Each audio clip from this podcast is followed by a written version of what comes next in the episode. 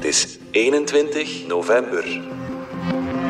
Dit is vandaag de dagelijkse podcast van de Standaard. Ik ben Alexander Lippenveld. De Nederlanders trekken woensdag naar de stembus. Onze noorderburen kiezen een nieuwe Tweede Kamer en ze kunnen voor het eerst in jaren niet meer stemmen op Mark Rutte, die 13 jaar lang minister-president was. De man die de campagne domineert heet Pieter Omtzigt, maar sinds een peiling dit weekend lijkt ook Geert Wilders helemaal terug. Blijft het centrum overeind of neemt Nederland een ruk naar rechts?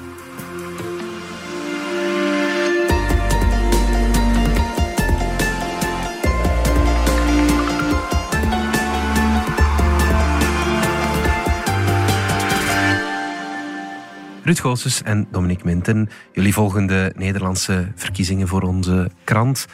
Vertel eens, hoe liggen de kaarten vandaag? Het lijkt razendspannend te worden. Dat was eigenlijk al weken duidelijk. Mhm. Men ging uit van een driestrijd tussen de liberalen, Mhm. de partij van vertrekkend minister-president Mark Rutte, die nu aangevoerd wordt door Dylan Jezilgus. Mhm.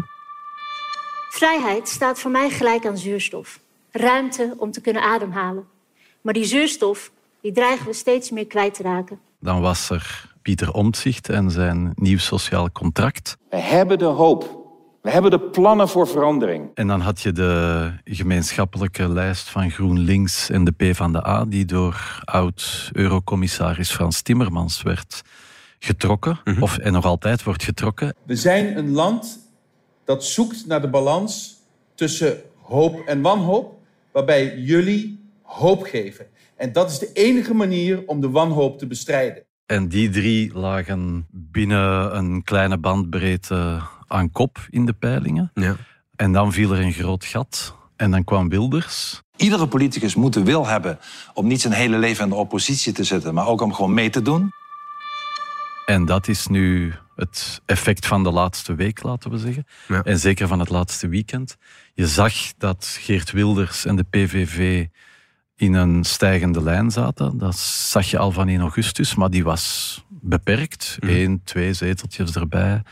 En nu dit weekend kwam er dan een peiling van de bekende opinieonderzoeker Maurice de Hond, die er plots vijf zetels bij deed bij de PVV, waardoor Wilders voorbij Timmermans en Omtzigt ging en op gelijke hoogte komt met de VVD. Dus dat kantelt het beeld wel. Plots is het geen drie-strijd niet meer, maar is het een vierstrijd. Ja. En, en zie je dat dat een hele andere dynamiek op gang brengt. Ja. Hoewel zo'n peiling natuurlijk met een korrel zout te nemen is. Ja, ze beheerst wel het debat nu. Hè. Dus alleen het feit dat die peiling er nu is, draait alles om in de discussies die nu aan de gang zijn. Ja, ja. Eerlijk gezegd was ik wel verbaasd toen als ik die peiling zag eh, van Maurice de Hond. Dat er plots vijf zetels bij komen, had ik echt niet verwacht. Hij staat nu op 26 zetels. Nogmaals, met alle voorzichtigheid die je daarbij in acht moet nemen. Maar eh, dat heeft hij nog nooit gehaald. En dat verandert inderdaad de dynamiek. Je had nu zo het frame waarop we naar die campagne keken was van er moet vernieuwing komen, maar die vernieuwing komt vanuit het centrum. Ja. De omzicht die zegt het moet allemaal anders, maar binnen het systeem. Binnen het ik, systeem, ik, ja. ik wil de instellingen veranderen. Ik zeg niet het is een corrupte boel, een nepparlement enzovoort. Mhm. Nee, ik wil dat dat parlement beter functioneert. Dus er leek een soort redelijkheid terug te komen. Met Wilders verandert die kijk waarop we nu naar Nederland kijken. Toch Tegelijkertijd heeft Wilders daar ook wel slim op ingespeeld, denk ik, door zich ook wat gematigder op te stellen. Ja, daar komen we zo dadelijk op terug. Maar eerst die nood aan die nieuwe politiek of die nieuwe politieke cultuur, zeg maar. Hoe zag dat eruit, deze campagne? Hoe verliep die campagne tot nu? Wel, men was eigenlijk Mark Rutte beu. Ja. Hè, Na dertien jaar was iedereen eigenlijk blij dat hij weg was. En door te vertrekken maakte hij ook ruimte voor nieuwe mensen. En die hebben wel mogelijk gemaakt dat er een soort van nieuwe dynamiek in die Nederlandse politiek kwam. De man rond wie alles, in- zeker in het begin draaide, was Pieter Omtzigt. Ja, niet Die- helemaal een nieuwe naam, Niet helemaal nieuw, maar hè, dus hij gaat eigenlijk al heel lang mee. Hij zit al bijna twintig jaar in het parlement. Maar hij zat er altijd voor het CDA, ook nog zo'n klassieke partij, de, de, de Nederlandse Christen-Democraten. Maar hij was altijd wel een beetje een buitenbeentje in dat systeem Omdat hij heel erg dat systeem begon te bevragen. Er is wel wat misgelopen in de Nederlandse politiek de jongste tien jaar. We hebben verschillende affaires gehad. Mhm. De bekendste was de toeslagenaffaire, Ja. waarbij mensen die dit moeilijk hadden, dat die echt geviseerd werden, dat die, waardoor die het nog moeilijker kregen. Ze werden beschuldigd van het onterecht krijgen van subsidies voor een kinderopvang. Mhm. Dat bleek allemaal niet zo erg te zijn als het de Belastingdienst eh, liet uitschijnen. Mhm. En daar heeft eh, Pieter Omtzigt heel erg een punt van gemaakt, om dat aan te kaarten. Ja. Dat heeft hem populair gemaakt. Ja. Eer dat dat op de politieke agenda is geraakt, dat heeft echt jaren geduurd, terwijl er tienduizenden mensen achtervolgd werden om tienduizenden euro's te Ja. betalen. Dus dat heeft mensen echt in de afgrond geduwd. Mensen, hun kinderen werden eh, geplaatst. Absoluut, ze ja, werden ja, uit hun ja. huis gezet. Ja. Dus dat, en Omtzigt was de man die daar samen met Renske Leijten van de SP voorop liep om dat probleem te agenderen. En die de regering daar bleef over achtervolgen, ook toen hij daar in zijn eigen partij, want hij was natuurlijk ook, zijn partij maakte deel uit van de coalitie. Dus- En men heeft hem daar zelf ook over aangepakt. Ja. Toen is hij uit het CDA gestapt en hij ging vertolken, hij werd een soort anti-Rutte. Ja. En toen hij dan in augustus aankondigde dat hij een eigen partij zou oprichten, schoot hij meteen ook naar Ja. boven in de peilingen. Ja, en meteen de zat hij, grootste rond, partij, hè. zat hij rond de 30 zetels. Ja. En die partij heet dus Nieuw Sociaal Contract, want dat is wat hij wil. Hè. Een socialer Nederland en minder... En minder ja, hardvochtig Ja, beleid in ja, Nederland. Een meer op, op de maat van de mensen gemaakt Mhm. eh, beleid. Ja. We zien Nederland nog altijd als een heel goed bestuurd land. Mhm. En dat is voor een deel ook nog zo, denk ik. Maar er zijn wel uitwassen geweest. Rutte heeft Nederland bestuurd als een, een bedrijf, Mhm. als een NV. En wie het moeilijk had en uit de boot viel, die kreeg het echt wel heel moeilijk. Mhm. Die werd echt aan de kant geschoven, werd achtervolgd. En Omtzigt zegt van, dit kan zo niet verder. We moeten meer aandacht hebben voor die mensen die echt uit de boot vallen, die echt in de problemen zitten en die nood hebben aan, aan steun. Mhm. Dus daar moeten we echt meer naar kijken. En die boodschap is heel erg aangeslagen. Ja. En zo is het thema bestaanszekerheid Betaalzekerheid op de, op op de de agenda. agenda gaat komen, Ja. dat ook door andere partijen opgepikt is. Verandering voor bestaanszekerheid. Verandering om de mens weer centraal te stellen en om de markt een klein stukje terug te duwen. Tegelijk heeft Omtzigt heel hard ingezet op bestuurlijke vernieuwing. Ja. Dus eigenlijk het, de verandering van het politieke bedrijf zelf. Een grondwettelijk hof moet er komen, dat soort dingen. Dus Ja. kleinere kieskringen. Dus de manier waarop we onze democratie, onze politiek organiseren, moet anders. En dat wekte zelfs enig enthousiasme op, wat je normaal niet hebt met dat soort thema's. Nee. Hoeveel er ook gewaarschuwd werd, het kwam niet door. Nee. En Maar dat komt alleen door als je het op een andere manier inricht. En die andere manier inrichten zal zijn vakministers, een goede econoom op financiën, iemand met buitenlandervaring op buitenland, die daar dus ook gewoon verstand van hebben. Op zijn ledendag zaten daar eh, 700 NSC'ers te applaudisseren voor de oprichting van een grondwettelijk hof. Eh, dus je kreeg zo wel een andere dynamiek. Ja. Nog iets dat zijn eh, positionering wat helderder maakt, of misschien het niet, is dat hij op sociaal vlak eerder links is.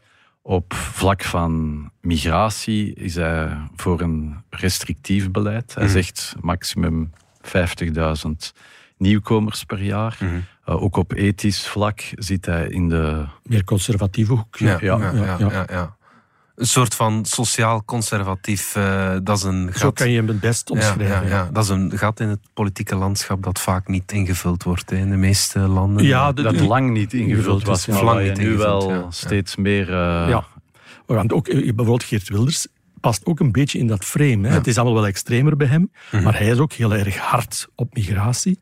Maar ook al jaren zegt hij dat de arme Nederlanders, dat daar beter moet naar gekeken worden. Dus op dat vlak raakt hij wel een snaar die ook omzicht is gaan bespelen. Ja, ja, dus op ja. dat vlak is Wilders, past hij ook wel in dat profiel waar de Nederlander naar op zoek is. Ja. Beetje sociaal bewogen politicus, zeker op sociaal-economisch vlak. Mhm. En harder op, op migratie. Ja. En hoe stonden andere politici daar dan tegenover? Wat die campagne dan ook getekend heeft, is dat Omtzigt door zijn geschiedenis een soort eh, onaantastbare status had wekenlang. Men, je zag dat andere politici niet goed wisten hoe moeten we daar nu mee omgaan. Die man heeft al, hebben ze al zo hard op zijn kop getimmerd. Als we die politiek gaan aanvallen, erachter Ja. ja, dreigt er wat bloed op onszelf te gaan spatten. Dat willen we niet. Dus dat gaf een, ja, werd door sommige mensen de heilige Pieter genoemd, Ja.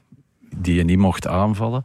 De laatste twee weken, denk ik, ongeveer, zie je dat men toch daar probeert wat deuken in te slaan. Mm. En dat heeft hij ook aan zichzelf te danken. Hij is echt een twijfelaar. Hij is redelijk onduidelijk over waar hij nu met het land echt naartoe wil. Want hij zegt wel, het moet socialer, maar in welke zin dan? Wat ben je van plan met het minimumloon? Hoe ga je de stikstofproblematiek, die in Nederland ook heel actueel is, hoe ga je dat aanpakken? Hoe doe je dat precies? In welke coalitie zie jij het best functioneren? En wie gaat Eh, premier zijn? Want dat wil hij ook en wie niet gaat, eh, worden. Wie gaat premier zijn? Dat Ja. was ook Ja. heel lang onduidelijk. En dat heeft zo het beeld gecreëerd van er zit wel iemand die het goed voor heeft, maar het is ook wel een twijfelaar. En dat. En het wordt een beetje wollig met hem op den duur ook zo. De Nederlanders, dat begint dan misschien een beetje op hun zenuwen te werken. En dan zie je ook wel dat hij nu de laatste, afgelopen weekend heeft hij dan toch gezegd dat hij wel degelijk in een premier wil worden. Ja. Maar dan wel in een zakenkabinet. Dus er Ja. moeten alleen eh, slimme mensen in zitten die die materie echt goed kennen. Als het gaat zoals u nu schetst, er komt een regering met vakministers dan. Dan is daar de keuze om ofwel in de Tweede Kamer te zitten... ofwel leiding te geven aan vakministers. Want dat is wat we op dit moment nodig hebben. We hebben Maar dan, gezien... als ik u mag onderbreken, dan zou u er dus voor openstaan om Ja, minister-president van. Dat zo'n ook- kabinet te worden. Dat heb ik gezegd. Hè. Ik, ik heb een stellige voorkeur, maar dan sta ik ervoor open. Want dat is wat nodig is. Dus hij probeert dan wel zo wat duidelijkheid te scheppen, maar ook weer op een manier die ook niet zo heel helder blijft. Ja, Wat is een zakenkabinet dan ook weer? Ja. Ja, maar goed, de peilingen staan Pieter Omtzigt nu niet eh, voor de wind, zeg maar. Hij loopt samen met eh, Frans Timmermans een beetje achter op eh Dylan Jezilgus van VVD en Geert Wilders. Wat is er daarin gebeurd? Gaat het dan toch meer om migratie en om, ja, is Nederland dan toch rechtser dan we de afgelopen weken Nee, dachten? Wat we niet mogen vergeten is dat de politieke grondstroom in Nederland is rechts. Ja. Dat is de laatste tien jaar altijd zo geweest. Mhm. Zoals de peilingen nu zijn, maakt dat nog eens extra duidelijk. hè. Als inderdaad de VVD, toch een fors rechtse partij, Mhm. en Wilders de twee grootste zijn, ja, dan kan je niet anders dan vaststellen dat Nederland, dat de Nederlandse kiezers toch een rechtsbeleid willen. Mhm. Ja, Frans Timmermans, ondanks het feit dat hij die- linkse kracht een beetje heeft proberen samen te bundelen, lijkt daar niet in te slagen om de grootste partij te worden. Mhm. En dat zie je nu ook, dat zij die peiling, en zo wint ze dus aan belang, proberen te gebruiken, GroenLinks en de PvdA, om zich toch nog op de kaart te... Eigenlijk, Timmermans is aan die campagne begonnen op een soort presidentiële wijze. Hij kwam vanuit Europa, hij kent de Europese leiders en daar probeerde hij op in te spelen. Geef ons een kans en we gaan de armoede in Nederland in de komende vier jaar halveren. Geef ons een kans en we gaan het klimaatbeleid op een hoger niveau tillen, want het is absoluut nodig. Geef ons een kans en we laten zien dat er niemand buiten hoeft te slapen in Nederland. Geef ons een kans en we investeren in de zorg van de toekomst. Niemand zal betwisten dat Timmermans de carrure heeft van een minister-president. Wat je tegelijk zag, was dat hij bleef stagneren in die peiling. En dan heeft hij een week of twee geleden, zag je echt die campagne wel draaien. Waarbij hij niet meer omzicht de hele tijd het hof maakte en zei van wij zouden het samen kunnen doen voelde hij, ik moet hier de linkse stemmen naar mij toe trekken. En nu zegt hij, je moet eigenlijk op mij stemmen om een rechtskabinet. En misschien zelfs nu kan hij zeggen, misschien zelfs een kabinet met of onder leiding van Wilders. Als je dat wil afwenden, Ja. kom naar GroenLinks en Dat, de dat, is, dat is ook wel de hoop dan van Timmermans, denk ik, en van links-Nederland. Mhm. dat, er zijn nog andere linkse partijen in Nederland. Hè. Je hebt D66, je hebt de Partij voor de Dieren, je hebt de SP, Je hebt Volt. je hebt eh, Volt, inderdaad. En de hoop is dat hij de onbesliste linkse kiezers, dat die nu echt wel gaan zeggen van nee, we moeten toch op Frans Timmermans gaan stemmen. Want dat is de enige hoop eh, dat hij misschien dan toch nog de grootste partij wordt en dat hij het initiatief kan krijgen. Stemmen mensen strategisch. Namelijk, vaak is dat dan ook welke coalitie wil ik graag voorkomen. Of stemmen ze vanuit hun hart, overtuiging en zeggen ze dan, ja, ik ben bijvoorbeeld, ik geloof veel meer in de Partij voor de Dier. Hij moet nu tonen in die laatste dagen, vanavond nog een debat op, dus de avond voor de verkiezingen, een debat op de NOS. Hij moet tonen, ik ben hier de man die Wilders, die rechts kan afhouden. Straks kijken we nog even naar het uh, parcours van Dylan Jezilgus van de VVD en naar wat de comeback van Wilders zegt over Nederland. Maar eerst gaan we er even uit voor reclame.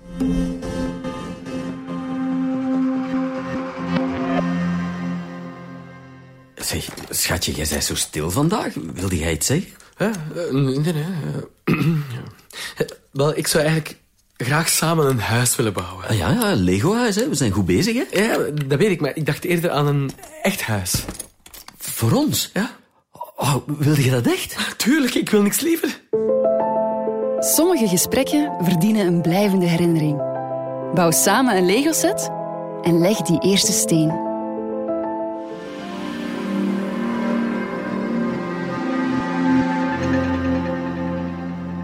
Dominique Ruud, terug naar jullie. We moeten nog even kijken naar uh, Dylan Jezilgers van de VVD. Die stond voor een moeilijke opdracht na het vertrek van Mark Rutte. Hoe brengt ze het er nu vanaf? Je zou kunnen zeggen, die partij, we hebben het net over een aantal schandalen gehad, bestuurt 13 jaar lang. Uh, dus dan, zou, dan zie je vaak dat als, wanneer de leider geswitcht wordt, dat, dat er dan toch ook electorale achteruitgang is. Dat is voorlopig niet gebeurd. En zij, ja, zij houdt de discussie over wat er onder Rutte gebeurd is, houdt zij ook heel erg af. Ze zegt, ik wil niet terugkijken, ik wil naar de toekomst kijken. Mensen zijn daar niet mee bezig. Mhm. Tot nu toe is dat gelukt, maar op een bepaald moment wordt dat natuurlijk ook nogal potsierlijk. Mhm. Je zou kunnen zeggen, als nieuwe leider moet je verantwoordelijkheid nemen voor de dingen die gebeurd zijn, ook de dingen die misgelopen zijn. Mhm. Dat heeft zij tot nu toe niet gedaan. Ik, ik zag vorige week in de Telegraaf, maar het was niet alleen in de Telegraaf, zag ik een advertentie van haar, klaar met oude politiek. Ja. Ja, dat is, dat is echt gek. Je hebt 13 jaar de minister-president geleverd en nu zeg je van uh, met mij wordt alles anders. Ja. Nou, dit gaat over de politiek van de afgelopen jaren, waar wij onderdeel van uit hebben gemaakt. Dat kun je wel zeggen. Die uh, heel erg met zichzelf bezig was.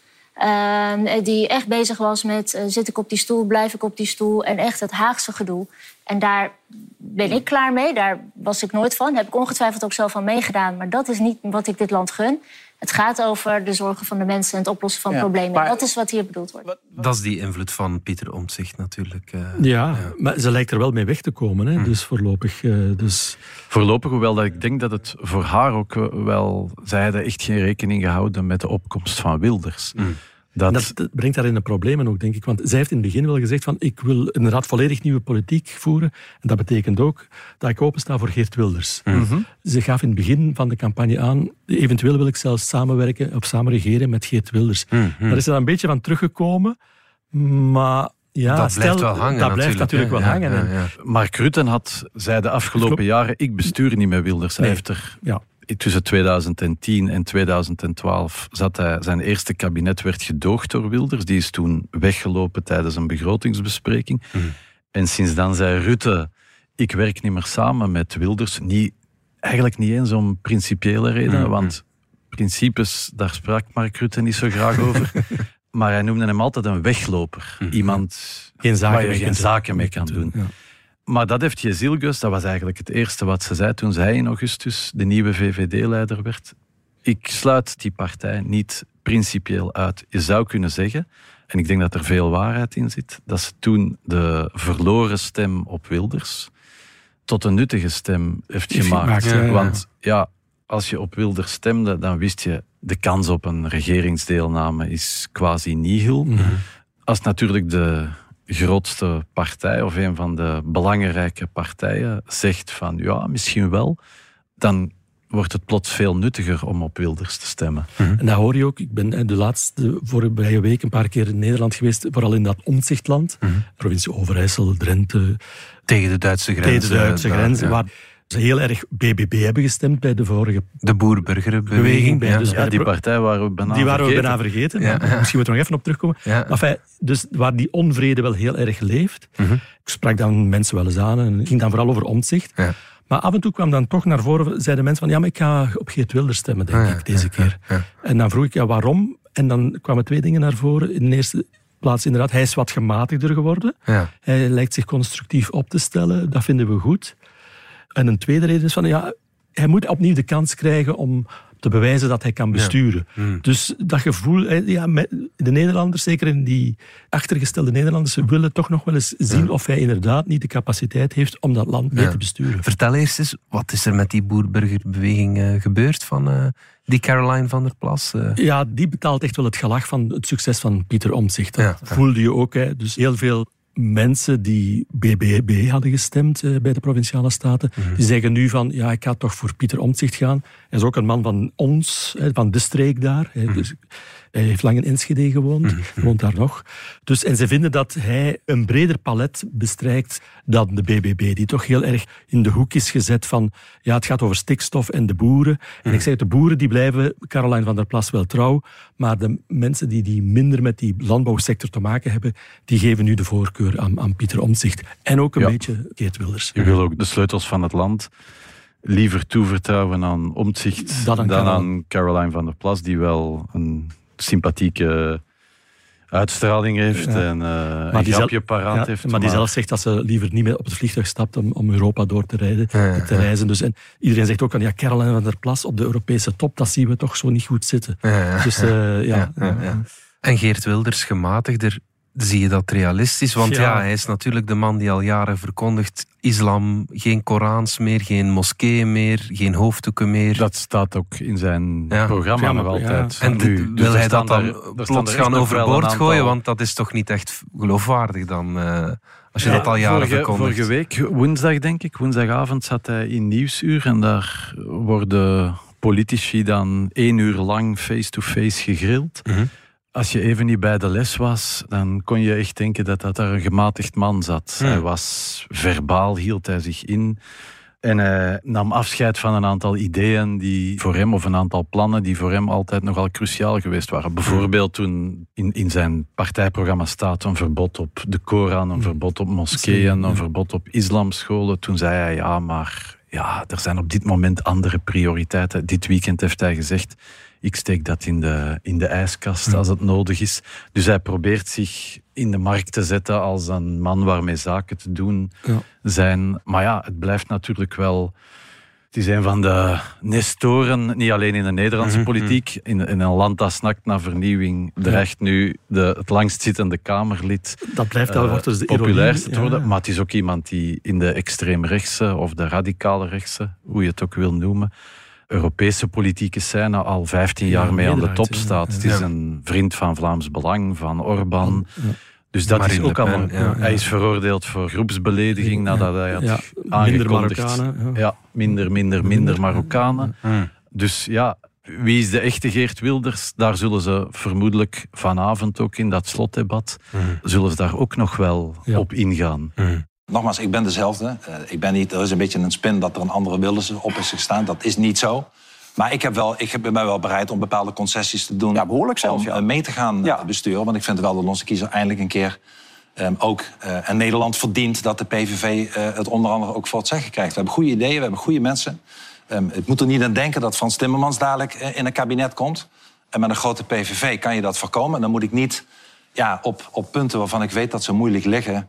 ehm, daar ehm, ehm, onnodig gaan vaststaan. Nee, maar Dat, dat dreigt wel ironisch te worden natuurlijk. Hè? Want eh, met de komst van Pieter Omtzigt en het idee van we moeten een meer gematigde, eh, terug de politieke vernieuwing vanuit het centrum moet, moet er komen. Zou het zo- zomaar kunnen dat de man van extreem rechts of van radicaal rechts, die al heel lang meegaat, eh, dat die de verkiezingen gaat winnen. Dus dat, dat is iets, een heel vreemde dynamiek die, die dreigt te ontstaan. Ja. Goed, Dominique Minten, Ruud Goossens, dank jullie wel. Graag gedaan. Dit was vandaag de dagelijkse podcast van de Standaard. Bedankt voor het luisteren. Volg ons op Spotify, Apple Podcast of eender welk ander podcastplatform. Of download de vernieuwde app DS Podcast, waar je ons werk en de beste luistertips van onze redactie terugvindt. Alle credits van de podcast die je net hoorde vind je op standaard.be-podcast. Reageren kan via podcast.standaard.be.